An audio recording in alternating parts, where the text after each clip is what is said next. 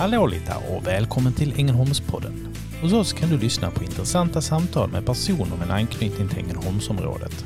Detta avsnitt är sponsrat av Backa Hill. Backa Hill är ett familjeägt förvaltningsföretag med hjärtat Ängelholm och Bjäre. Ett gränslöst entreprenörskap och en stor drivkraft präglar företaget. Basen ligger i finansiella investeringar men också i fastighetsutveckling och destinationsutveckling i hembygden. Backa Hill är en bärande part i de stora hotellanläggningarna och tennisen i Båstad, i Norrvikens trädgårdar och Arenastaden i Ängelholm. Man är även initiativtagare till Campus Ängelholm och arbetar med att skapa en entreprenörshub samt en handels och möteplats på Storgatan i Ängelholm Market. I detta avsnitt träffar Manuela Lignell och Andreas Kreman, Pia Hansson och Mattias Frisk. Hej och välkommen till Ängelholmspodden. Med mig här idag har jag Andreas Kreiman och jag heter Manuela Lignell. Hej!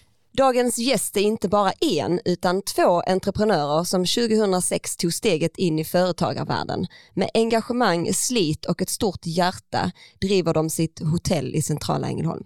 Under många år av företagande står de nu inför ett vägskäl med fokus på nya drömmar och möjligheter inom konstvärlden. Varmt välkomna hit Pia Hansson och Mattias Frisk. Tack för det. Tack så mycket. Ja, välkomna. Första gången vi har två gäster på en gång. Och eh, vi tänkte börja med, som vi brukar, och prata lite om uppväxt. Och då börjar vi med Pia denna gången. Jag är uppväxt i Munka-Ljungby. Bodde i Malmö ett kort tag men flyttade tillbaka till Munka sen. Jag fick barn ganska tidigt. Jag var 21 när jag fick mitt första barn. Och sen fick jag två till ganska snabbt. Så jag tror jag var 28 när jag skilde mig eh, och skaffade mig ett eget hus i Munka-Ljungby. Med mina tre barn. Levde själv i åtta år. Hade ju inte varit ute och varit ung speciellt mycket så de helger jag var ledig så brukar jag åka till jazzklubben i Helsingborg och lyssna på musik. Det fanns bra liveband där. Och eh, vid ett tillfälle så satt en kille vid ett bord eh, lite längre bort.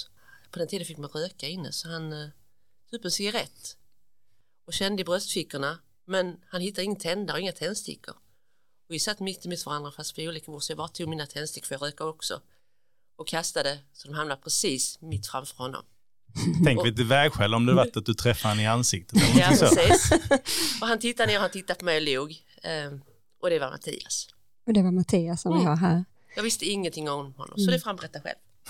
Men jag tänkte först bara lite på, på Munka. Kan du inte dela med dig? Hur var det att växa upp i Munka? Vad var liksom, hur var barndomen där? Den var väldigt trygg. Eh, Alltså på den tiden så gick man i skolan på söndagar, så gammal jag. Eh, Det fanns ingen matbespisning, alla cyklade hem på lunchen, utom en tjej som bodde på Ågård. Hon eh, fick ha matsäck med sig och satt i vår gympasal Själv. själv. Alltså Pia, nu låter det som du är över hundra år Ja. gammal. Jag gick på en skola där, där fanns bara vårt klassrum och vår klass och en lärarbostad och vi hade utedass. Var var den skolan? Precis när du kör in i Munka så ligger där en eh, liten skola som är ombyggd till bostad idag. Den ligger, där är en gård som heter, Är det de som har hästar och lite ja, sånt? och så, sen så är det liksom lite längre fram, Mhm. eh, ett brunt stort hus. Så att eh, så var det när jag Var det Ja. flera skolor i Munka då?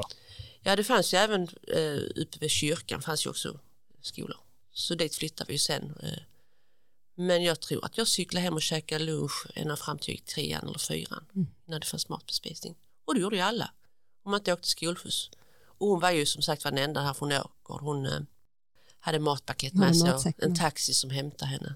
Eh, de var väl tre, fyra stycken därifrån. Men du stannade i Munka i väldigt många år. Ja, Mm. Vad var det Eh. som fick dig att stanna där? Vi trivdes ju men vi, mina föräldrar flyttade till Svedala eh, så vi bodde där i sex, sju år. Eh, Och sen flyttade jag själv till Malmö när, jag var, när de ville flytta tillbaka till Munka-Ljungby så jag bodde i Malmö hade egen lägenhet när jag var, jag kan, kan jag varit 16.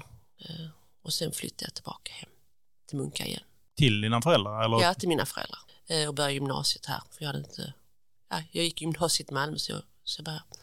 Men eh, jag tyckte det var så tråkigt att gå i skolan så att jag började jobba ganska tidigt på eh, Ängelholms klass. Eh, jobbade där några år, tog körkort eh, och sen eh, träffade jag en kille och så flyttade vi till Segelstorp strand och Engelsbäck. Eh, vi byggde hus där och skaffade barn och gjorde de grejerna. Men när vi skilde oss så flyttade jag tillbaka till Munka-Ljungby igen och köpte mig ett hus där. Eh, där bodde min mamma kvar och jag kunde få hjälp av henne och det var en trygghet för både mig och barnen. Min mamma var ensamstående för min pappa hade gått bort i ALS några år tidigare. Hon var också ensam och ja, vi behövde varandra under den perioden. Jag levde ensam i åtta år som sagt var. Jag har två bröder som är yngre, en som är ett år yngre än mig och en som är tre år yngre än mig. Bor de också kvar här? Nej, de bor i Vejbyslätt båda två. Eh, vi är väldigt olika varandra men eh, hade mycket kontakt och roligt med varandra när vi var yngre men idag har vi inte jättemycket kontakt fast vi bor så nära men man utvecklas på olika sätt och mer och mer idag så är, har man liksom sitt sociala liv där man bor precis runt mm. omkring sig. Och min mamma är gammal idag, hon är 91 så hon, där träffas vi ibland med mina syskon. Så. Samlingspunkt liksom. Ja. Mm. Bor hon fortfarande hemma? Ja, hon bor hemma i Munkeljungby lägenhet. Mm. Eh, har hjälp med stödstrumporna morgon och kväll. eh, men eh, hon försöker hålla modet uppe och tycker att ja, hon fixar sin lunch själv och ibland så kör vi dit med lite maten och så men hon är stolt och glad över att klara sig själv. Mm. Och jag är stolt över henne, såklart. Och vad spännande att ni träffades just över rökning och cigaretter. Jag tänker att ni ska få ta vid där, Mattias också, komma in och berätta. Vad gjorde du på den där klubben? Då var jag publik. Jag har alltid gillat eh, ja, blues, bluesorienterad musik, spelat i väldigt många år själv. Så jazzklubben var ett naturligt ställe i Helsingborg. Eh, just då så hade jag eh, flyttat till Helsingborg från Göteborg för att göra se, vad gjorde vi där då? Jo, då skulle jag jobb, ha en sommarjobb på Helsingborgs Dagblad där jag hade gjort en journalistpraktik eh, hösten innan. Så fick jag sommarjobb efter det. Så jag hade precis flyttat ner till eh, Helsingborg, bodde i ett hus precis bredvid jazzklubben där som jag delade med en sommarkollega. Men efter den kvällen så fick han bo där själv. För jag i princip flyttade hem till, hem till Pia i, i Munka Ljungby rätt så omgående där över sommaren. Vad var det liksom, var det den där tändaren som kastades som blev liksom startskottet? Vad var det som liksom klickade till mellan er där på Ja, det klickade kvällen? verkligen till. Vi fann varandra rätt så omgående. Vi hade väldigt mycket att prata om och vi, ja, vi var ju där och gillade den miljön och den musiken. Och sen så lärde jag snabbt känna Pia och hennes barn första Första gången jag sovit över och skulle sova över hos Pia då berättade hon att eh, ja, barnen är hemma och nu ringde de från mitt eh, jobb här och undrade om jag kunde komma in och ta ett nattpass och det har jag lite svårt att säga nej till för jag behöver pengarna så att eh, jag undrar om kan du kan du vara här, sova här? Det väl kanske så det var planerat egentligen. Ja, så. Oh, ska jag kunna så ta? Att, eh, ja, det gjorde, det, gjorde vi, det gjorde vi faktiskt och sen dagen efter så tog jag med mig ungarna på Bondens dag och där vi hade träffats några gånger såklart, så de visste vem jag var, vi var ingen främling så liksom. Men vi åkte ut med, åkte till Ängelholm och tog en buss från torget och åkte ut och besökte bondgårdar där medan Pia var hemma och sov några timmar efter att hon hade jobbat natt. Alla tyckte det var jätteroligt, inte minst jag. Och ja, så, så började det, det var, tog fart med en gång. Liksom. Egentligen så började det också så här, eh, för att fortsätta på tändstickstemat, eller eldtemat. Ja, eh, jag och Mattias vi träffades på stranden i eh, Segelstorps strand. En av våra första träffar. Och mina barn hade varit hos sin pappa över helgen så jag skulle hämta dem på vägen hem. Och han åkte med i bilen och, och vi hämtade barnen. Det var första gången eh, de träffade. Jag sa hej hej liksom, de satte sig i baksätet och så var det inte mer med det. Men på vägen mot Munka så ser vi en bondgård som har börjat brinna. Mattias är journalist. Men det brinner ju där borta. Det är jättemycket brandbilar. Har du någon kamera i bilen? Eh, Han ja, har ja. en gammal kamera i handskfacket. Ja. Så du tog fram den, jag stannade en bit därifrån, du sprang bort och tog bilder och kom tillbaka och sa att ah, det här blir en grej. Eh, jag skriver så kan... Jag måste åka till Helsingborg. Ja. så eh, ja, en av våra första träffar så blev det ingen träff, han stack till Helsingborg. Eh, dagen efter var vi på första sidan. Jag stod som fotograf och fick 500 kronor. och Mattias hade skrivit texten. För det var ju min kamera. Så redan där gick egentligen företagandet in i ja, ert liksom, privata liv också, och er, er relation på något sätt. Mattias, du är ju från Göteborg. Det är jag. Eh, född i östra delen av Göteborg, Kolltorp. Uppvuxen där, bodde där i, i princip 30 år. Jag gjorde det man ska göra. Jag gick gymnasiet och jobbade på Volvo och sen så gick gymnasiet en gång till och gick vårdlinjen Eh, och blev undersköterska och jobbade som undersköterska på Östra sjukhuset i Göteborg i ett antal år. Men jag kände väl att jag ville hitta på någonting annat så runt 25 där så började jag på journalisthögskolan eh, i Göteborg och utbildade mig till journalist och var klar, ja, 26-27 var jag när jag började, så jag var klar när jag var 30. Eh, och då fanns det överhuvudtaget inga journalistjobb i Göteborg så jag började snabbt inse att nej, man får nog flytta på sig och då hade jag gjort eh, praktik och så på Helsingborgs Dagblad. Så jag tänkte väl att Skåne är ju skittrevligt. Och sen ja, så berättade vi hur det gick när vi träffades där när jag hade börjat mitt första sommarjobb på HD och sen Sen dess är jag i princip Skåne och hemma och vände och gjorde slutexamensarbete och sådär och sen flyttade jag ner 92. Då blev jag erbjuden ett jobb på eh, HDs eh, ny, nystartade eller nyutvidgade redaktion i eh, Ängelholm på mm. Storgatan mm. där Elvelito ligger idag, gamla banklokalen, där hade vi redaktion. Var det precis när NST hade lagt ner då? Nej, NST hade flyttat, eller hade, fanns kvar uh, uppe på Metallgatan. Så vi var ju tre, vi och HD, NST och Arbetet var, fanns fortfarande kvar i, i området och gjorde nedslag uh, ibland. De utgick väl från Helsingborg för det mesta. Så på vissa jobb har vi tre tidningar och lokalradion så det var mm. väl, väl täckt journalistiskt i Ängelholms Så då hade egentligen HD och NST inget så Nej, större var, samarbete? Vi var heller. svåra konkurrenter på, på, i teorin och goda kollegor på fältet. Kan man mm. säga. Vi, vi, ja, man träffade ju kollegor man träffade när man var ute och gjorde jobb så man lärde känna en hel del NST-journalister mm. också. Så att senare när HD och NST slogs ihop så man kände ju många av dem som man då blev ny kollega med. Ehm, så det var, gjorde jag i från 92 och framåt mm. var jag, eller 93 våren 93 och framåt var jag på HD. Först till 97 i Ängelholm och sen så minskades den redaktionen igen. Så flyttade jag in till Helsingborg och var där och har gjort i princip allt utom sport. Varit webbredaktör, var med i hela hd.ses eh, uppbyggnad under ett antal år såg det växa från ett litet försöksprojekt till en jättesajt. Liksom. Eh, sen var jag chef för lokalredaktionerna i Åstorp, Klippan, Bjuv, Perstorp, Örkelljunga eh, under några år. Och ni valde att bosätta er i Ängelholm, men jag tänkte du har mycket koppling till Helsingborg också. Vad var det som gjorde att det blev, blev Ängelholm för er? Ja, det blev ju Munkeljunga. Yeah. Jag flyttade ihop med Pia i det huset hon hade då. Sen eh, fick vi ganska snabbt ett vårt första gemensamma barn. Ja. Och då var det dags att, att, flytta till något större så mm. köpte vi ett annat gammalt hus som vi satte igång. 175 000. Ja. Här kostade 175 000. Ja, mm.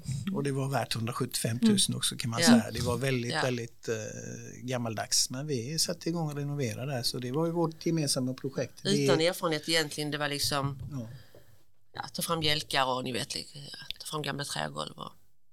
Ja, så Vårt lite... första projekt var faktiskt ja. det vi kände att vi, vi, tyckte det var roligt att göra saker tillsammans. Ja. Olika mm. kompetens och mm. ofta var det jag som hade idéerna så genomförde Mattias det. Vi kallar det beställare utförarmodell. Ja. Om det kan många som känner igen den. Säkert. Nej men så det var liksom, det var ett kul projekt som vi, som, det blev ju bra. Mm. Även om det tog mycket kraft och mycket mm. tid och två små barn under tiden och vi balanserade och alla på. barnen bodde ju hemma, de var ju hos sin pappa ja. ibland på helgerna. Jag hade ju fem döttrar hemma mm. i åldrarna 15 till 0. Hur stort var detta huset? 160 kvadrat. Men vi byggde faktiskt så att alla fick, alla fick egna rum. Fyra mm. sovrum på ovanvåningen och stort allrum och kök på bottenvåningen så hade vi ett sovrum där. Så hade vi ett litet rum också på bottenvåningen till yngsta barnet så vi hade nära liksom. Fem döttrar. Hur liksom, vad har ni för erfarenheter? Vad har ni tagit med er? från att ha uppfostrat fem stycken eh, tjejer, kvinnor? Ja, och försöka lyssna vad, vad alla egentligen behöver. De har väldigt, väldigt olika behov, väldigt olika personligheter allihop och ja, försöka förstå så gott det går och inte vara i vägen för mycket. Var det svårt att komma in? Eh, hur gamla var de äldsta? 7, 10 och 12. Var det svårt att komma in som en, som en nej, ny person? Nej, det var det faktiskt inte. Jag försökte aldrig, alltså, de hade ju en pappa. Jag försökte vara en vuxen till. Som de kunde prata med och fråga och få hjälp. Och, också att jag ställde krav såklart utifrån vad vi kom överens om att vi skulle göra.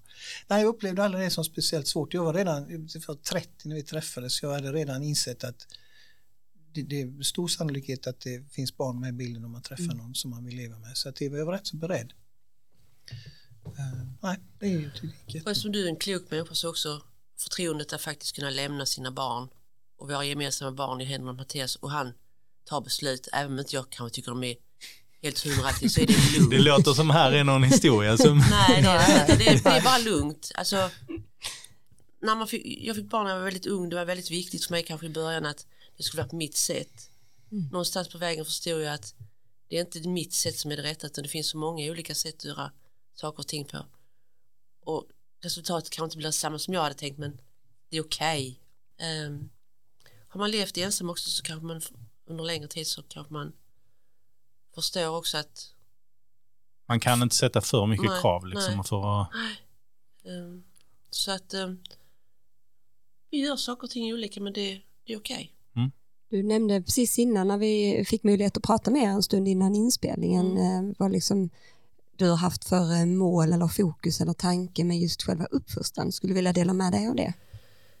Um, det ja, det kan jag göra och det är att våra barn, det har, det har vi gemensamt mm. haft att uh, barnen ska klara sig själv. Vi kommer inte leva för alltid utan de ska vara självständiga individer som tjänar sina egna pengar, har sitt eget nätverk. Men så länge vi lever så finns vi också alltid i bakgrunden och kan stötta och hjälpa till om det behövs. Men uh, att man är självständig, jag känner mig jättestolt över mina barn. De faktiskt är självständiga. De ringer oss om det är någonting men de behöver inte ringa oss varje dag och vill de ringa oss varje dag under perioder så gör de det men, mm. men um, nej, att de är självständiga. Ja, och, och, och gör det de själva vill mm. göra av sina liv. Ingenting som vi har krävt eller sagt att man måste eller så här ska ni göra utan vi är jätteglada att de har valt och deras liv tar sig så olika vägar och det är inte vi som har bestämt hur de ska se ut. Mm. Sen har vi kanske varit med så som vi har varit och det vi har gjort kanske har stärkt dem i att man kan göra som man vill och tycker och det, för det har vi gjort. Mm. Vi har inte heller sneglat på andra eller sådär utan vi har när man fick, de kom hem liksom och sa att nu ska jag göra mitt livs viktigaste val, jag ska välja till gymnasieskolan. Syokonsulenten har sagt det och min lärare har sagt alla säger att det är mitt livs viktigaste val. Vad ska jag göra? Mm. Gör det du tycker är kul. Mm. Det är det enda man kan göra. Mm. Och du kan välja om hur många gånger som helst i ditt liv. Mm. Um, och det har vi varit helt överens om mm. båda två. Ja, och ni är ju förebilder där. Uh, Dels uh, du bytt mm. bana ett par gånger och mm. Mattias också och sen så 2006 hände det ju någonting i era liv också. Jag tänkte att mm. vi skulle kanske prata om den där Blocket-annonsen mm. som ni hittade. Mm. kan bara säga att innan dess så hade jag också, när jag träffade Mattias så hade jag också en dröm om att högskoleutbilda mig. Jag hade ju liksom gått komvux, jag hade gymnasieutbildning. Um, och jag jobbar inom vården och där peppade du mig också. Så att när uh, vår yngsta dotter var ett år så började jag på högskolan i Kristianstad. Tre och ett halvt år. Mm. Uh, och pendlade till Kristianstad varje dag. Uh, ja, när du stöttar och peppar mig så jag utbildade mig, utbildade mig till enhetschef och fick heltidsjobb i Klippans kommun. Där jag jobbade i sex år. Ett väldigt tufft jobb. Mm. under en period så hade jag 120 personal och ett jättestort upptagningsområde inom hemtjänsten. Så du var enhetschef på hemtjänsten i, ja, i Klippan? Ja, bland annat, men också för äldreboende och så. Så att efter sex år så hade jag fått nog. Eh, jag blev sjuk, jag kände mig sjuk. Jag var sjukskriven under perioder för utmattning. Kom tillbaka och kände att nej, jag fixar inte detta. Mm. Gjorde kommunen någonting där när du kom tillbaka liksom och sa okej, nu ska vi göra något annorlunda denna gången? Eller det var mer bara så? Man gjorde väl för försök att förbättra, men jag menar, det är ett tufft jobb. Det är jättetufft. Jag ville förändra själv och så jag, jag sa ut mig. Mm. Jag och Mattias pratade om det så okay. han kunde försörja oss under en period.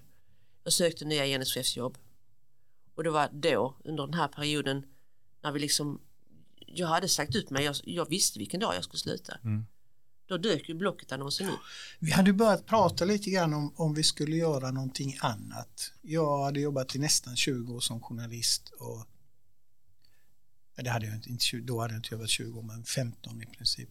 Och vi sa väl att ska vi göra någonting annat, ska vi göra någonting tillsammans? Finns det någonting vi kan, vi kan någon form av företag eller någon verksamhet vi skulle kunna göra som vi tycker är kul? Och det, vi kom fram till att människor i någon form, mötet med människor är viktigt för oss. Um, Men diskussionen uppkom ju också utifrån att vi visste att vi tyckte om att göra projekt tillsammans. Ja. Vi hade renoverat, ja. vi hade gjort lite andra småprojekt. Vi, vi gillar det liksom. Och då, då började vi prata om någon form av besöksnäringsverksamhet och hotell, bed and breakfast dök ju upp så där i tanken, ska man försöka köpa något ställe, någon gård? Och vi kommer fram till att arbetsinsatsen, startsträckan och då med, med fortfarande ganska små barn kvar hemma så där. Ja, stor kapitalinsats också då, man skulle först köpa något, sen renovera någonting och sen få det godkänt och sen alltså allt så. Och mitt i all den här diskussionen så dök det upp en annons på Blocket. Hotell till salu i centrala Ängelholm. Och jag hade sagt ut mig och visste inte vad jag skulle göra. Perfekt vi har, läge. Vi har pratat om det många gånger men ibland så spelar ödet ett spratt. Mm. Och det, det känns ju konstigt att samtidigt som du säger upp det kommer en annons med mm. någonting som är men man har öppnat en dörr. Liksom. Exakt, mm. man kan ha öppnat upp ögonen för det kanske fanns där framför en innan. Ja, man är, men man, man såg inte det för det är så mycket. Mm. Och jag hade kanske tänkt, jag har ju min trygga tjänst. Nej, man, man vill ju inte säga sig.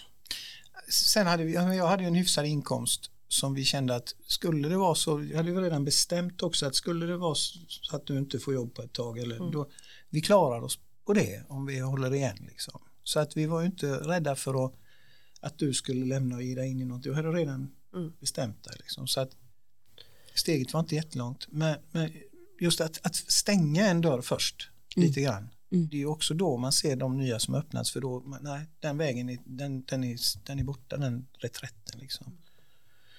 Alltså vi, vi började väl att dra i det här och började och, och, och... Det var rätt många turer fram och tillbaka ja, men, men vi köpte hotellet i alla fall. Mm. Um, och då skulle vi sälja vårt hus i Munka för det fanns en bostad som tillhörde hotellet.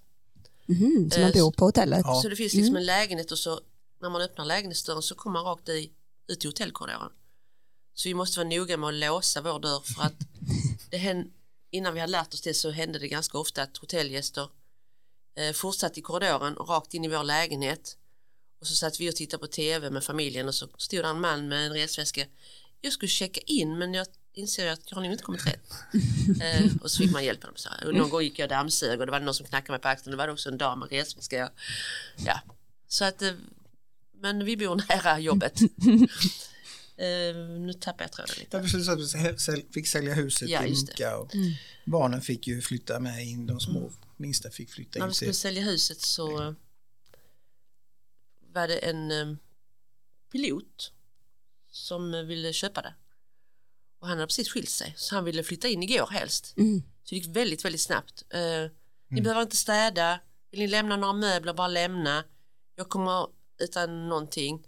Jag höjer eh, priset med, vad det 25 000, 25 000. för de siffrorna stämmer bättre med min, mina turnummer. Ja, ja okay. uh, så att uh, på den vägen blev det. Det gick snabbt ja, och lätt. Och, och då hade ni, följde alla fem tjejerna med då eller var det några som hade flyttat tre. hemifrån vid den tiden? Vi hade, några var i USA som au pairer och det var, de, var, ja. de äldsta var redan liksom på väg ja. att flyga då. Så tre följde med och eh, den äldsta de tre hon åkte till London någon period så då var de två hemma så att eh, vi kunde bygga en extra väg så då fick vi rum till alla och så bodde vi där. Um, Hur tog de den flytten in till Ängelholm? De gick fortfarande kvar i Munka? Ja, de var på väg in till framtidsskolan som fanns i, i Ängelholm. Då en av dem hade redan börjat mm. där och den andra hade väl funderat på att byta redan innan. Så hon gick ju började. femman Maja så att hon skulle ju börja på framtidsskolan sen så hon åkte buss ut och så hämtade henne på eftermiddagarna. Men det var rätt så speciellt. Det var en stor förändring i livet att alltid jobba. Kunde äta middag, man kunde vara på väg liksom att laga middag. Och då var det på den tiden så att när gästen kom till receptionen så tryckte det, stod det ring på klockan så kommer receptionisten och så ringde de på klockan och så ringde det vår lägenhet. Mm. Och där stod jag och lagade middag. Okej, okay. nu ska jag stänga av alla plattorna med alla grytorna. Barnen har levat middag om en halvtimme. Uh, ut, checka in i receptionen. Och så kom det kanske mer folk till receptionen, det kunde ta en timme, det kunde ta en och en halv. Eh, men man fick göra det jobbet först. Man satt och käkade middag, det ringer i hotelltelefonen. Eh, man kanske var mitt uppe i ett, eh, en hård diskussion eller förhandling och var rätt så irriterad. Men det var det leendet på. Det river sig det till, det är Pia Hansson. Och barnen sa alltid, varför ler du alltid när du pratar i telefon? Ja men det, det hörs att man ler. Um, så att um, de var rätt så irriterade på att aldrig och det var väldigt ofta vi blev avbrutna i diskussioner och läxläsning och middagar och, och det har ju fortsatt. Uh, så är det ju fortfarande. Vi har ju telefonjour dygnet runt, det är ju sömnen som blir avbruten. Det är, man vill vila middag, man vill käka middag tillsammans, eh, man tittar på tv, som tur är så, kan man pausa lite. Alltså, det är mycket. Mm. Har, har barnen sen när de blir lite större också kunnat vara med och jobba och göra, ja, göra frukost på hotellet eller svara i telefon och så eller ni har? En av dem har jobbat en längre period i, i receptionen eh, för några år sedan. In, och sen Johanna har ju varit med nu på senare år, senaste tiden kan man säga då innan hon började med sitt paddeljobb. Eh, Sofia har jobbat i Ja. receptionen och hjälpt till med lite allt möjligt. Klara eh, gör marknadsföring, Mm. reklam, reklamblad, eh, hemsida, hela den biten. Vad, vad har drivit er att, att, att, att göra detta, att kombinera liksom det här familjelivet eh, tillsammans med att då alltid vara jour för hotellgäster och så? Vad är det liksom som driver er viljan, liksom, kraften att fortsätta med det? gästerna. Alltid gästerna. Gäst, att gästerna är, så nöjda man, de kan bli. Alla gäster kan inte vara nöjda alltid men att de flesta gäster är väldigt nöjda. Eh, att de blir lite positivt överraskade. De kanske, det kanske blir lite bättre än vad de har förväntat sig. Eh, lite trevligare service, lite bättre sömn, eh, lite bättre upplevelse. Det har alltid varit det som har drivit. Hur gick det? Alltså om man då tar från början, hur, hur, hur funkade det från början? Alltså, var det svårt att starta, byta till den Det karriären? var väldigt romantiskt. Sen, Jag har- hade aldrig drömt om hotell, det var inte så. Utan, men jag tänkte det är väl inte så svårt. Ni hade kollat på... Fawlty Towers. Alltså laga lite frukost och checka in några gäster, det kan inte vara så svårt. Man gjorde en snabb räkning, okej så här mycket har vi hyra, så här mycket får jag in per rum. Okej vad kan det kosta med tvätt? Ungefär så här, ja men det blir jättebra. Här finns ju pengar att tjäna. Och det är ju inte så svårt. Gå upp och göra frukost varje dag. I början så var det, gick det inte så bra, så då var det ofta inget folk på helgerna så var man ledig. Men jag peppade ut frukosten lite och fixade till rummen lite så blev det mer och mer folk. Och då var det liksom, från början var det inte heller så mycket rum att städa. Men städa alla rummen på fredagen, frukost sju dagar i veckan, på söndag var det kanske likadant att städa alla rummen igen. Eh, beställa jättemycket tvätt, mycket, mycket mer än vad förra ägaren hade haft. Vi hade ingenstans att ha den, vi fick stänga av ett rum för att ha tvätten i det rummet. Ehm, jag är rätt, rätt så bra på att tänka organisation så jag liksom bara organiserar upp det. Okej, vi kan inte tvätta gästernas tvätt in i vår lägenhet. Det måste dit. Vi kan inte laga mat och ha tvätt i samma rum utan då måste vi dela. Hur gör vi då? Ja, jag hittar nya lokaler i huset. Eh, Centerpartiet satt där nere. Ni, det finns en billigare lokal till er där uppe. Och så såg jag till att liksom allting började fungera på ett bättre sätt. Um, jag anställde en tjej efter ett halvår som kunde hjälpa mig på fredagar så att jag liksom ändå kunde andas lite. Uh, tog kontakt med Nyföretagarcentrum i Helsingborg. Där gick en utbildning tillsammans med andra kvinnor, kvinnligt företagande. Uh, där vi satt upp tydliga mål. Uh, man lyssnade på de andras mål, man fick ta del av deras verksamheter.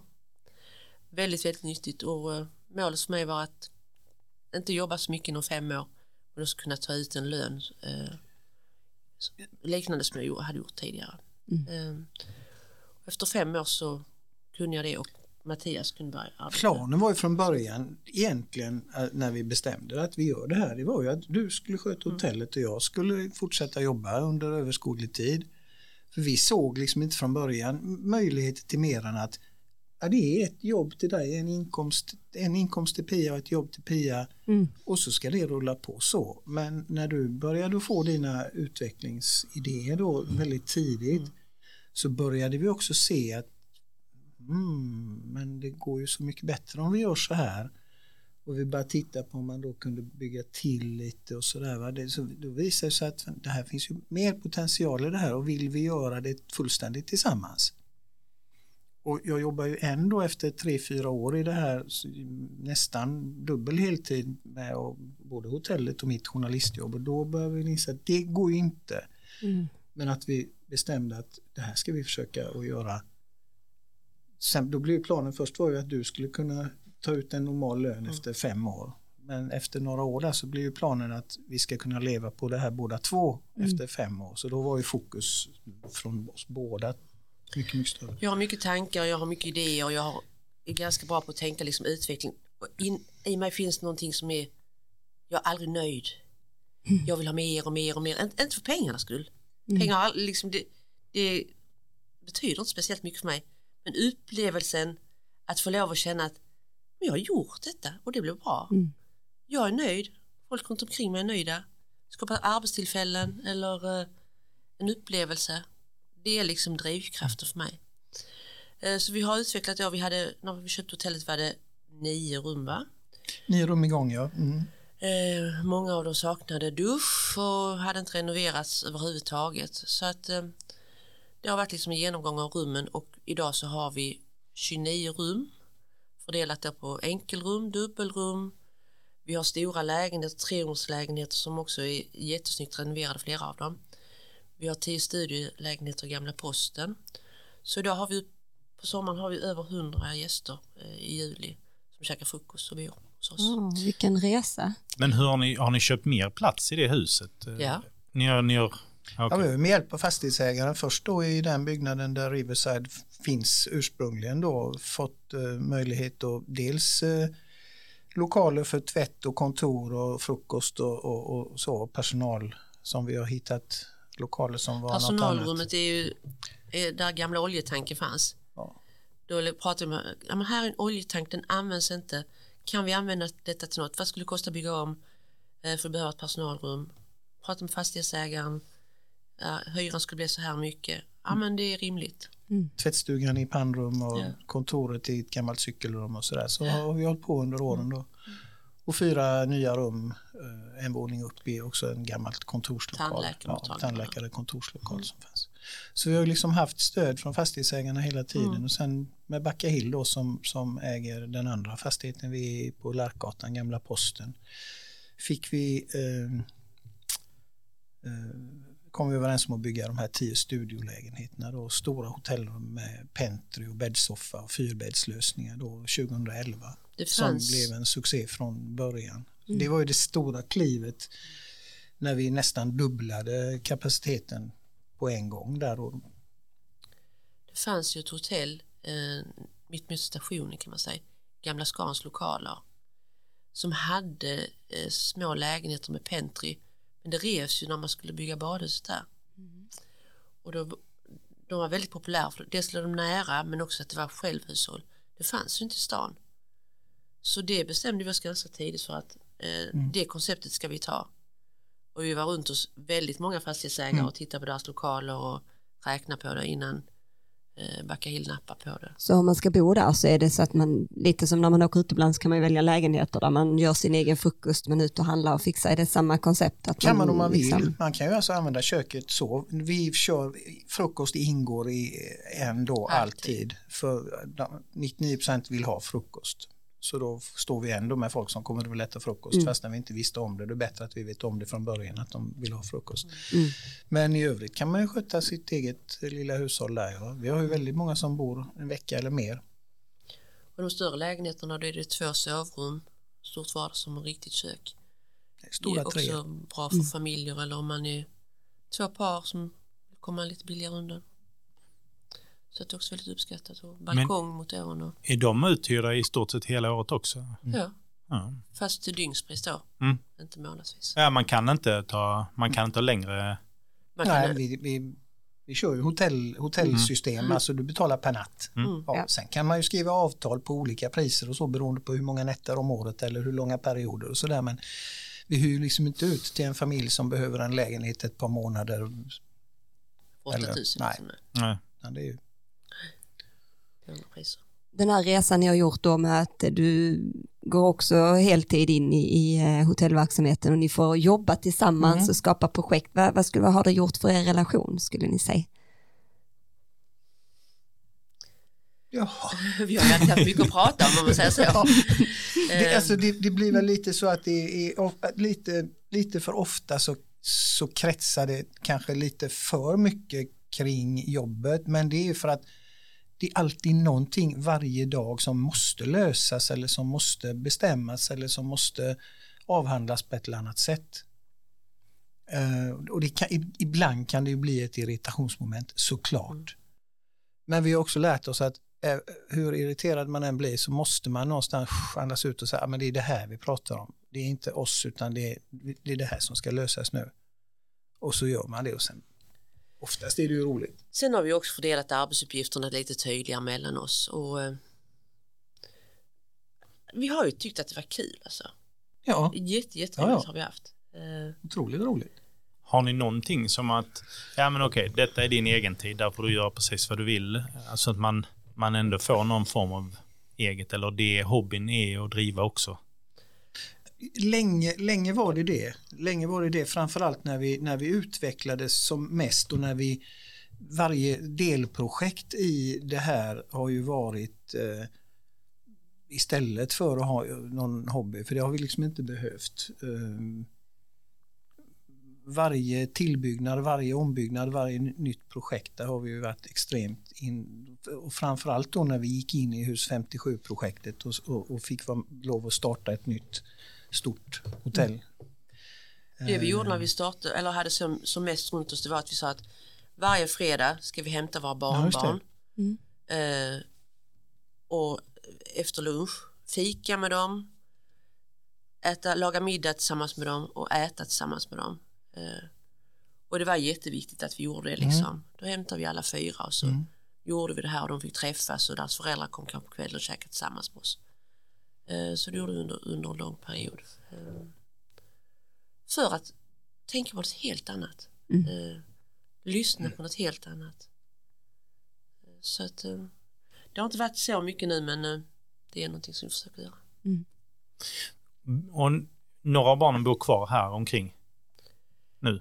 Ja, de tre äldste bor kvar här omkring. Eh, Järnarp, Ängelholm och Magnarp har vi dem i. Så att, och barnbarnen finns också här omkring. Och vi har eh, Klara och Maja bor i Göteborg och i Stockholm. Mm. Eh, ja, vi har bra kontakt med allihopa och tycker att det är roligt att träffa dem. Och de har alltid input till oss och ja, Och det är kanske extra viktigt när man har väldigt mycket på sin agenda och är utbokad mycket, att man verkligen avsätter tid som du säger en fredag, att verkligen det är, den är helig liksom Mm. och så håller man det och där är det fokus på annat. Ja. Så. Jag tänkte på eh, det här eh, Hus 57-projektet, var det 2018 som ni gick in i det projektet? Ja, vi gick in i det 2015 i augusti. Det är sådär speciellt datum för det var då vi fick möjligheten att börja och skapa ett koncept och lägga ett anbud. Det var då liksom den processen började.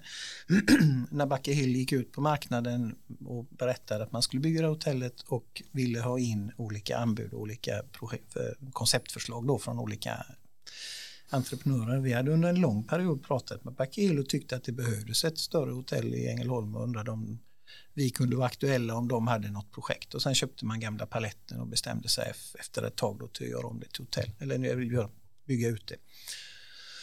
Så att och vi var inte alls aktuella då. Nej, Ja, ja. men vi lämnade ju ett, ett anbud och vi skissade på ett, eh, ett koncept, la ner mycket jobb på det ju. Och sen var det tyst länge, länge, länge och sen efter många om och men våren 2016 de ringde och sa att vi eh, var god tvåa men vi hade inte pengar så det räckte så att det blev inte vi. Nej. Och sen gick vi och tänkte att undrar när man ska få veta vem det blir. Mm. Och några månader senare, ett halvår ungefär, så fick vi beskedet att den som de hade tänkt sig hade fallit ifrån och vi fick eh, kort varsel erbjudandet om att ta det i alla fall då. Och då kastade vi oss in i det projektet och då var då var karusellen igång kan man Igång. säga. Vad, vad var det som igång. gjorde att ni kände att det här vill vi eh, prova på, det här vill vi göra, det här projektet känns spännande för oss?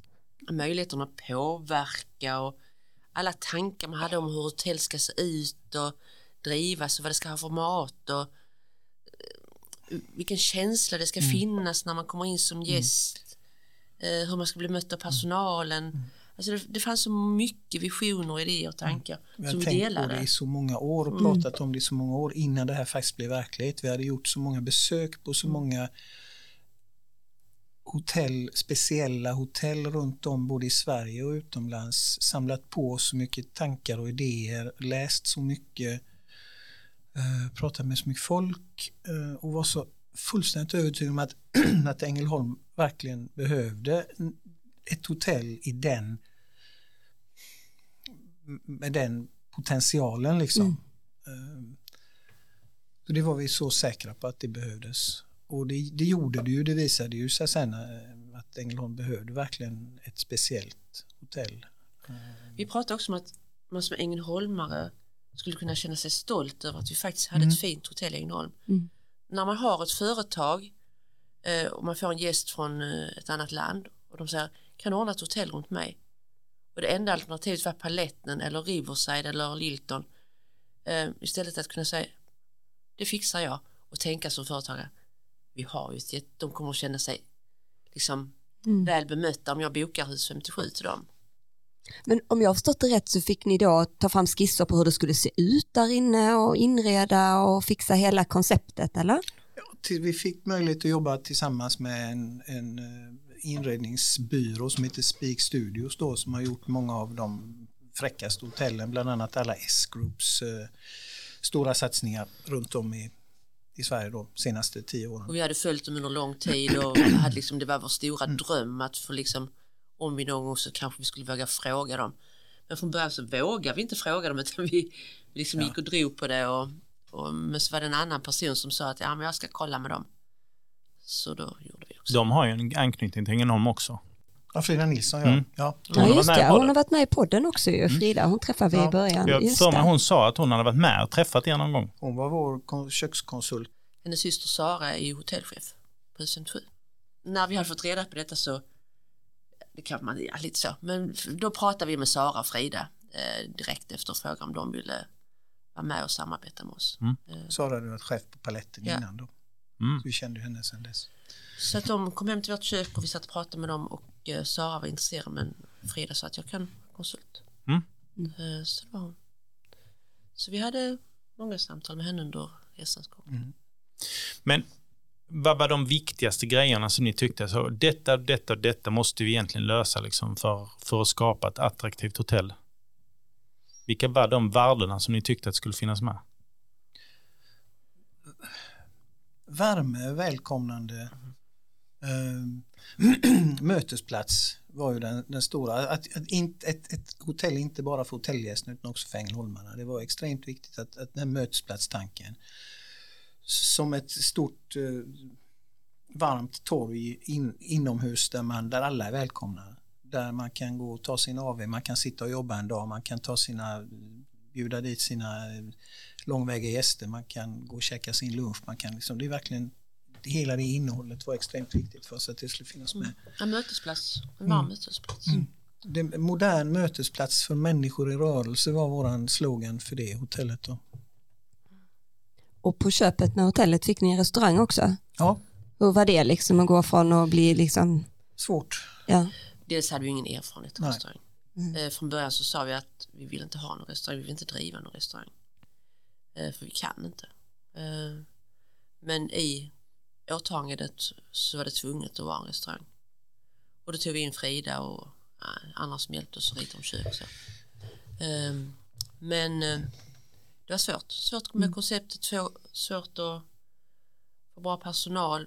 Eller, Ska jag inte säga vi hade jättebra kockar men vi nådde inte ut helt enkelt. Ett litet exempel, vi, vi försökte dra ner på potatis är en sån klassisk grej. Det, potatis det har man liksom till all mat i Sverige. Så. Vi, vi hade ett annat tänk kring det gröna. Vi ville gärna ha rotfrukter, andra råvaror i säsong, kanske inte alltid en last potatis på ren rutin till köttet eller fisken eller vad man nu skulle ha. Va? Så att vi, vi började med, med ett koncept där vi använde grönsaker väldigt kreativt, väldigt på ett annat sätt. Men det var faktiskt inte alltid potatis med på Och rätten. frågar man finns det inte potatis så fick man alltid potatis Ja, till. det, var ingen, det, var ingen, det fanns alltid liksom Eller att, att de frågar vill ni ha potatis till så kan vi ta in det. En dag så var en man som hade varit inne och ätit lunch. Och när jag frågade honom, en äldre man, "Vad- hur smakar lunchen? Tittade med ögonen och så sa han, ingen potatis och så boxade han mig i magen allt vad han orkade. Nej. Vilken reaktion. Ja, faktiskt. Då insåg, då insåg jag Mattias tappade alla. Jag, jag Ja, ja. fick ingen box Var du också där när det hände eller? Ja. Då är Så man det- inte nöjd. den, den, den dagen efter så, så fanns det en liten skål potatis med till alla bord. Inte på tallriken men man fick en liten skål med vid sidan om. Ja, lite, lite sådana lite såna oväntade reaktioner. Är man på Bjäre? Ja, Här ska vara så. päron. Ja, jag tänker man får ju, man, man får ju potatis överallt annars Ja, hela ja. tiden. Men nej.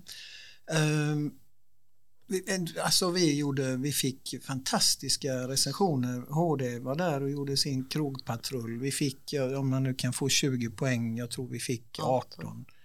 Mm. Eh, De skrev helt lyriskt om, om, om eh, Mat och service. menyn och servicen och alltihop. Eh, Och det, alltså de, de som gick dit och, och visste vad, de, vad det var i Mm. början och, och, förstod det, de var jättenöjda de allra flesta. Sen Mm. klart att man gjorde missar, att inte allting funkar, att inte servicen satt. Och att det skulle komma så mycket början. folk från början Nej. och restaurangchefen var kanske inte rätt val från vår sida och eh, kunde inte hantera det. Alltså, vi, det var så mycket folk och vi tackade inte nej, vi hade tackat ja till för många och det blev rätt kaos vissa kvällar. Men eh, Alla vill äta fredag och lördag också Ja. i Ängelholm Mm. och då ska man helst inte behöva boka något bord utan då ska man bara kunna komma tio man för, som har det blivit sugen på att gå, och- gå ut just då. Då blir man jättesur om att tyvärr vi har inte plats. Va? Nej. onsdag, torsdag, nej det, det, det går man inte ut helst. Men det stora hela så tycker jag ändå liksom att det blivit väl mottaget och att det blev som vi hoppades. Eh, vi är stolta och glada över att vi har gjort det. Mm. Projektet var fantastiskt roligt att göra. Mm. Det är få förunnat att få lov att vara med om att bygga upp ett hotell från grunden som vi gjorde. Mm. Så det är vi jätteglada för.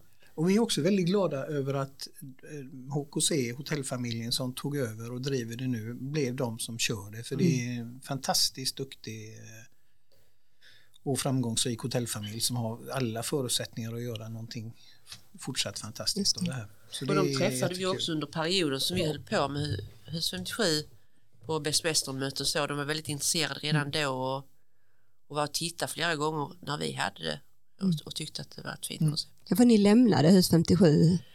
Våra pengar räckte inte mer än ett och ett Nej. halvt år. De, de var helt enkelt slut. Ehm, Så fastighetsägaren sa att vi fick lämna och så gjorde vi en deal med dem. eh, Där vi lämnade och fick behålla Riverside eh, och vårt jobb och, Ja. och bostad. Och så.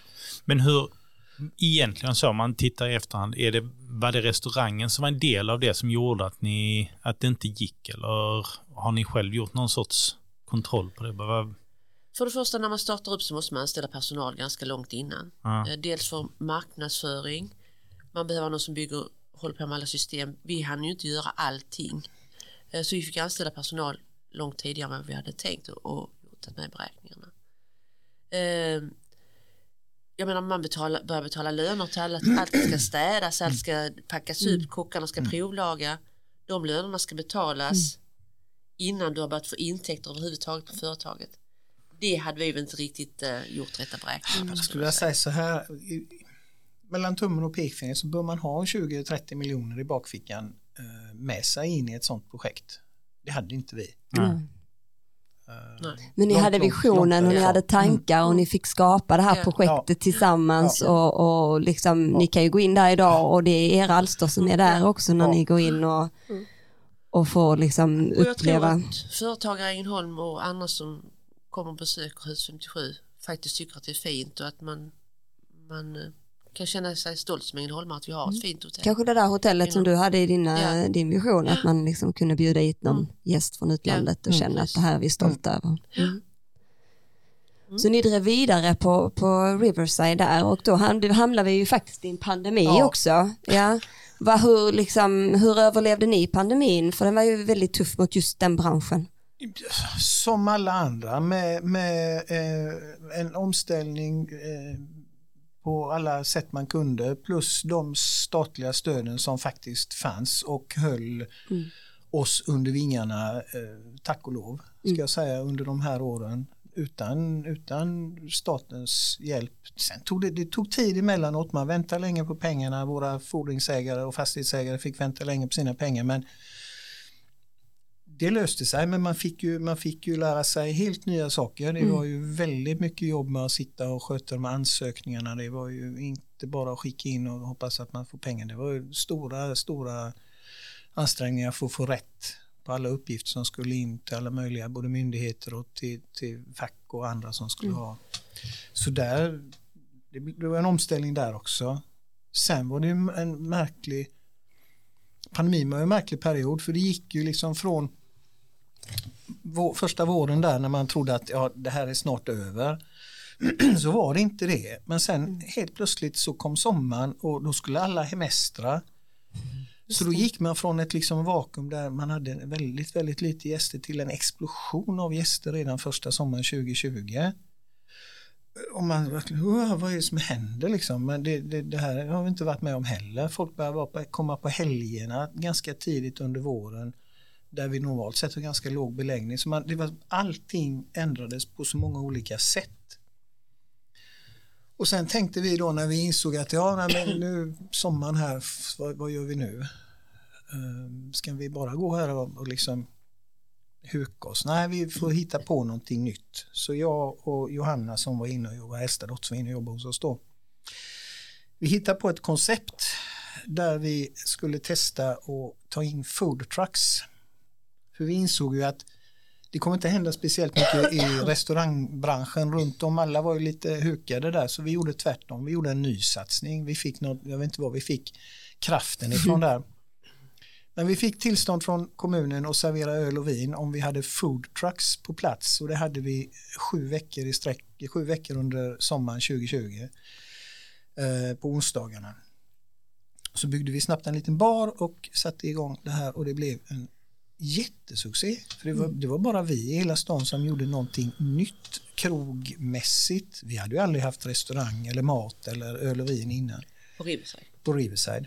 Men vi hade ju vana, vi hade ju lärt oss hur man gör från hus 57. Vi hade våra, vi hade våra utbildningar i alkoholhantering och så därifrån med oss. Så att vi kunde ju liksom få de här tillstånden och göra detta. Och ja, vi hade så mycket folk och liksom hela stan ville vara så kändes det som. På uteservering både på baksidan av huset mot Östergatan, eller framsidan mot Öster, Östergatan och sen på baksidan på innergården där. Ehm, man tänker tillbaka på det, det var, det var liksom det, det kändes också som en, en liten revansch att nu gör vi något nytt kul Mm. på Riverside eh, som blev väldigt uppskattat. Men också med en helt annan budget. Ja, väldigt Vi handlar basic. begagnade trädgårdsmöbler, soffor för 50 kronor, udda kuddar, slängde ut stora mattor på marken, massor med kuddar. Och och titta i himlen och liksom nästan var tårögda och sa att är detta Ängelholm? Vi hade tur med vädret, vi var, Mm. vi var helt väderberoende. Mm. Varenda gång så var det fint väder första året. Inte en enda gång regnade. Folk börjar säga att ja, på onsdagarna vet man ju att det är sol i Ängelholm. ja. Så det blev en sån snackis. Ja. Vi, hade liksom, vi, var inte, vi var inte alls förberedda på detta utan vi tänkte att jag kommer det någon och vill sitta här och ta så är det ju kul. Va? Men, Mm. Men jag vi- tror det är också ett koncept som egentligen funkar ganska bra med Ängelholm. Alltså, det är inte världens mest avancerade Ja. mat alltid, men det är, det är umgänge liksom mer. Och det är kanske någonting som man borde ha någon annanstans. Vi såg ju till food, foodtruck-explosionen kom ju lite där just mm. när, när foodtruckarna började liksom flytta ut i det allmänna och inte bara vara på festivaler och Mm. grejer utan plötsligt var det foodtrucks överallt. Folk, folk uppskattade det verkligen, folk gillade det verkligen. Va? Man, man testade nya grejer och vi fick hit afrikansk, karibisk mat från Malmö och vi fick ner hamburgare från, från, ut, ut från garage kom med sina grejer. Allt mm. bra grejer allting också. Mm. Så att folk fick verkligen prova nya saker som inte provat innan. Som inte funnits innan. Sen kunde man ju komma alla sju gångerna för att det var olika mat varje gång. Mm. Ah, ni hade olika tema på, äh, ja. på maten mm. också. Mm. mm. Ja, det var nya truckar varje gång. Så det, ja, det var det många som gjorde också. Ja det var det.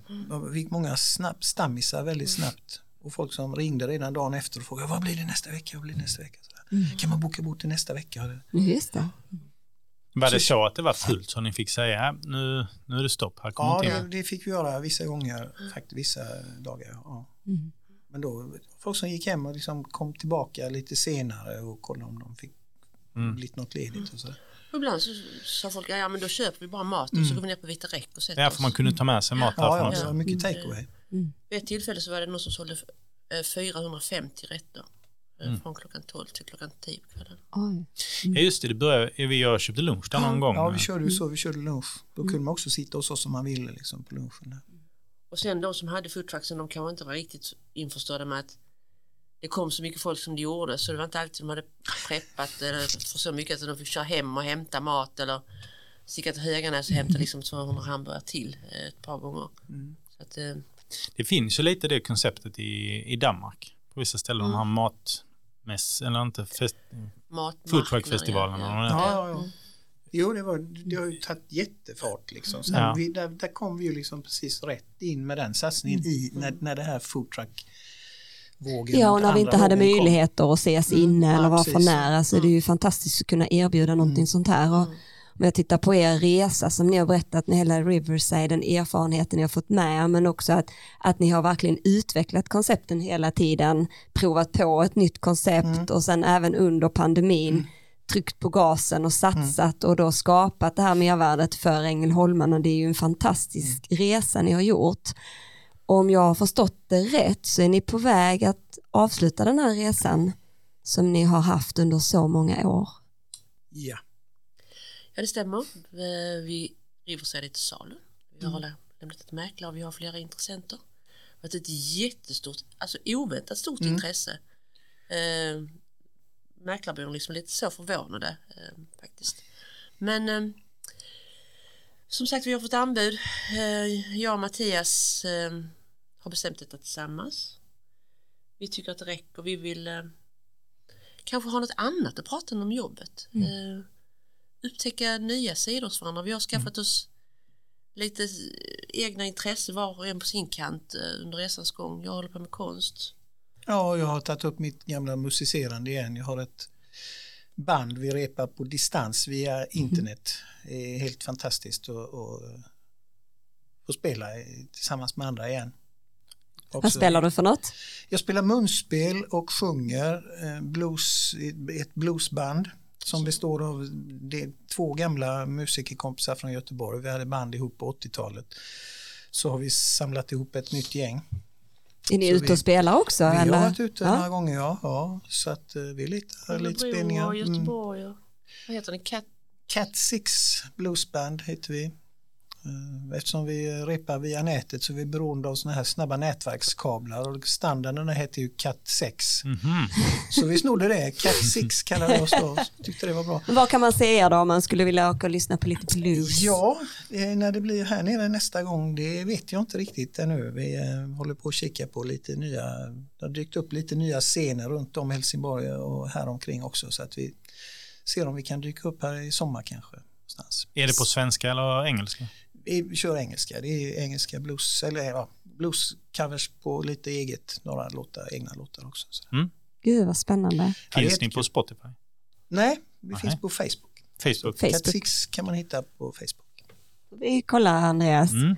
Och Pia, du har hittat lite tillbaka till konsten, för jag har förstått innan, innan vi började spela in här att det har funnits med dig lite hela tiden. Ända sedan jag skulle välja gymnasiet så har jag önskat att jag skulle kunna få syssla med keramik och eh, det var också så jag hade tänkt när jag valde till gymnasiet men mina föräldrar och syokonsulenten sa att det gick absolut inte. Eh, så jag valde bort det, har gjort det, livet har kommit mellan men när vi lämnade hus 57 så kände jag att Munka folkhögskola, det har varit en dröm. Mm. Så jag sökte och kom in och har gått där nu i tre år och eh, gjort en grundutbildning i konst. Det har varit fantastiskt. Jag känner att jag fattar, jag, jag fattar att jag har saknat det. Eh, Jag är inte någon världsartist på något sätt men jag har det i mig. Det finns någonting. Eh, Vad är det för någonting du... jag har Du gör- fastnat för keramiken. Jag gör eh, skulpturer, ganska stora skulpturer, ja, runt en halv meter i alla fall, lite högre, större. Eh, och de är abstrakta. Det är mer en känsla. Har du kommit igång så att alltså, säljer du eller har du, Jag har finns det sålt någon? några eh, stycken, bland annat så har jag sålt i biblioteket i Ängelholm. Mm.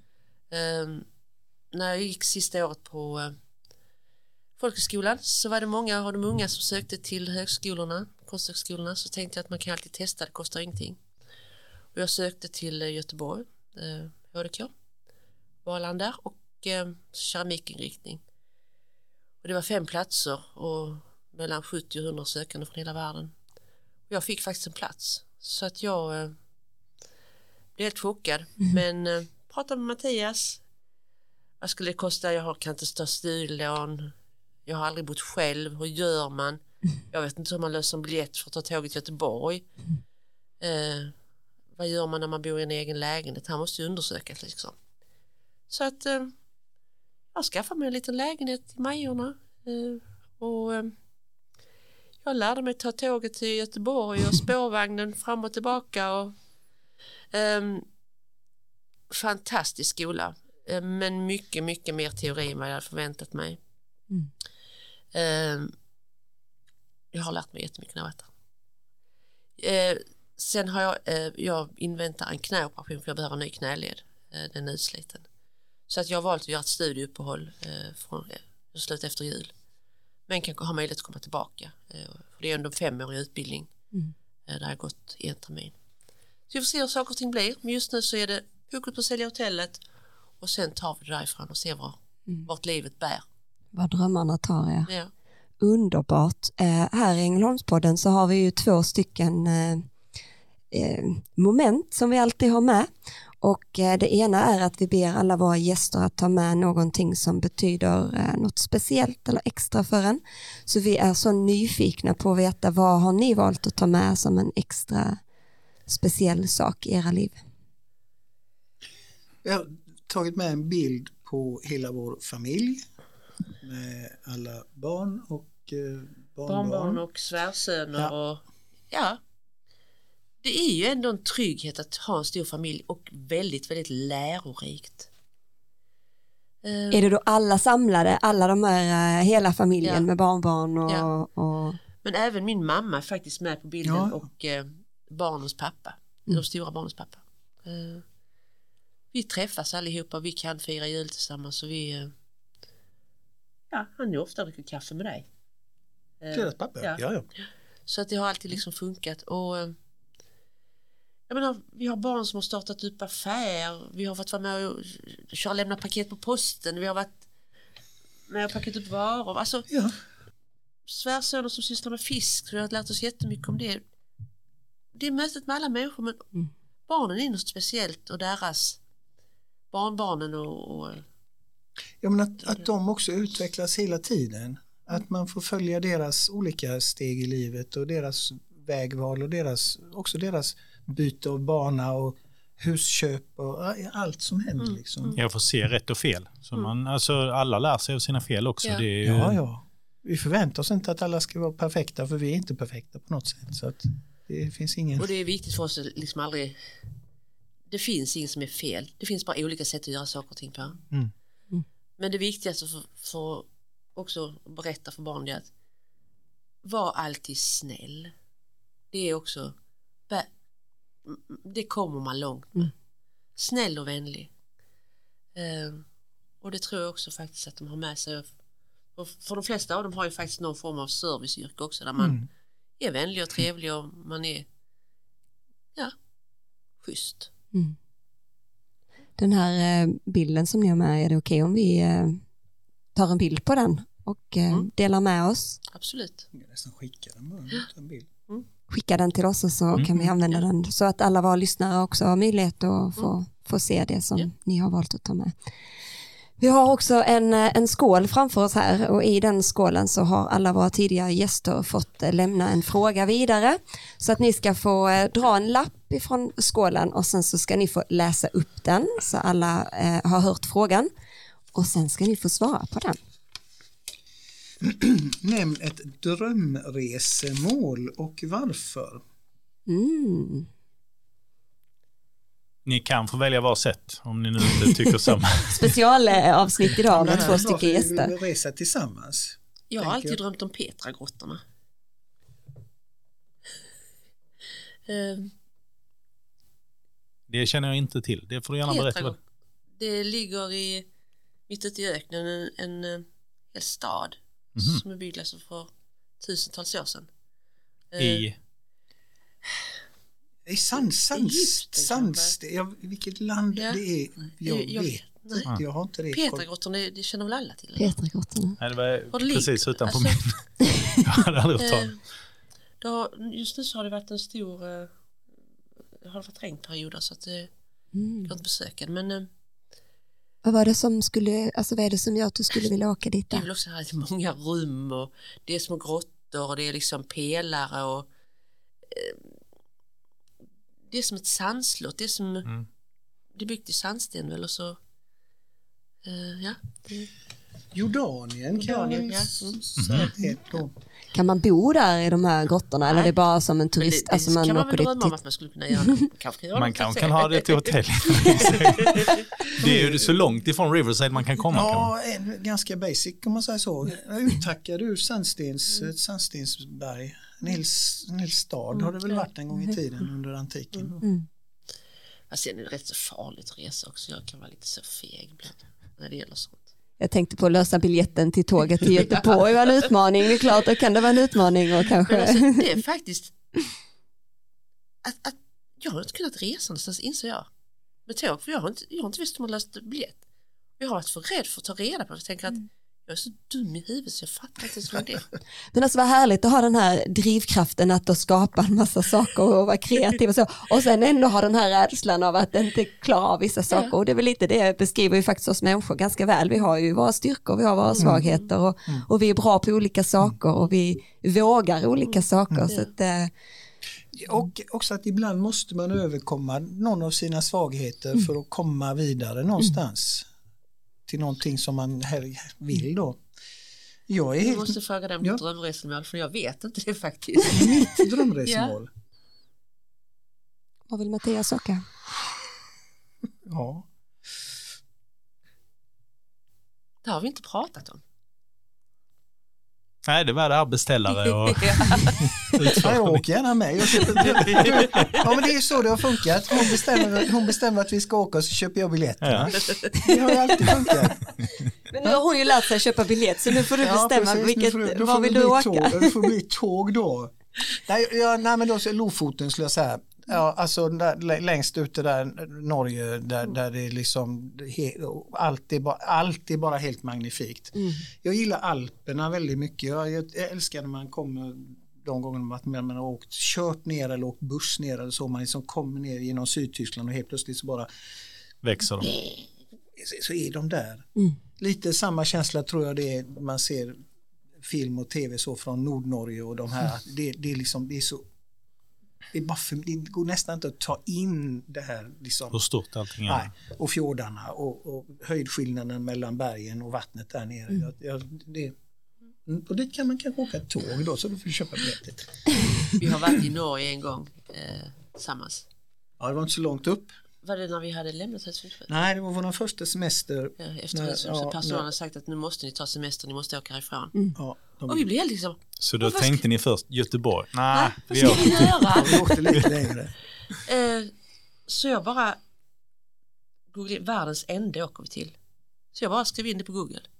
Då var det en campingplats i Norge som hette Världens ände. Så En vi åkte plats, dit. en plats där. Det var jättefint. Ja. Och nu kanske vi har skapat två nya drömmar om Ja. resmål i Ja. framtiden. Och så himla härligt att ha fått ha er här i podden och höra om er fantastiska entreprenörsresa och och vikten av att faktiskt våga och vikten av att följa sina drömmar. Så eh, från mig och Andreas då, stort tack för att ni ville komma hit till Ängelholmspodden. Tack så jättemycket. Tack för att ni har orkat lyssna. Tack för att du lyssnade på oss och följ oss gärna på sociala medier såsom Instagram, Facebook eller LinkedIn. Där heter vi Ängelholmspodden med E. Där kommer vi lägga upp bilder från avsnitten och nyheter om kommande gäster. Har ni tips på gäster eller andra frågor, skicka dem gärna till info Vi skulle vilja skicka ett stort tack till Fredrik Larsson som lånar ut sin låt Världen är din till oss. Låten finns att lyssna på på Spotify. Och till Pierre Boman som har gjort vår logga. Eftermiddagen är så lång Kaféet är nästan tomt Och jag är lugnet själv där jag sitter vid ett bord. En hätsk debatt, ett utländskt par Jag sitter mitt emot.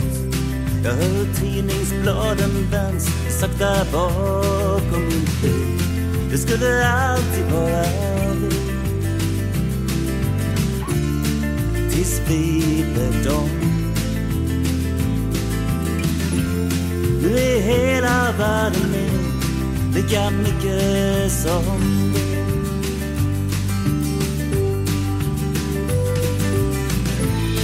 Och en livstid passerar.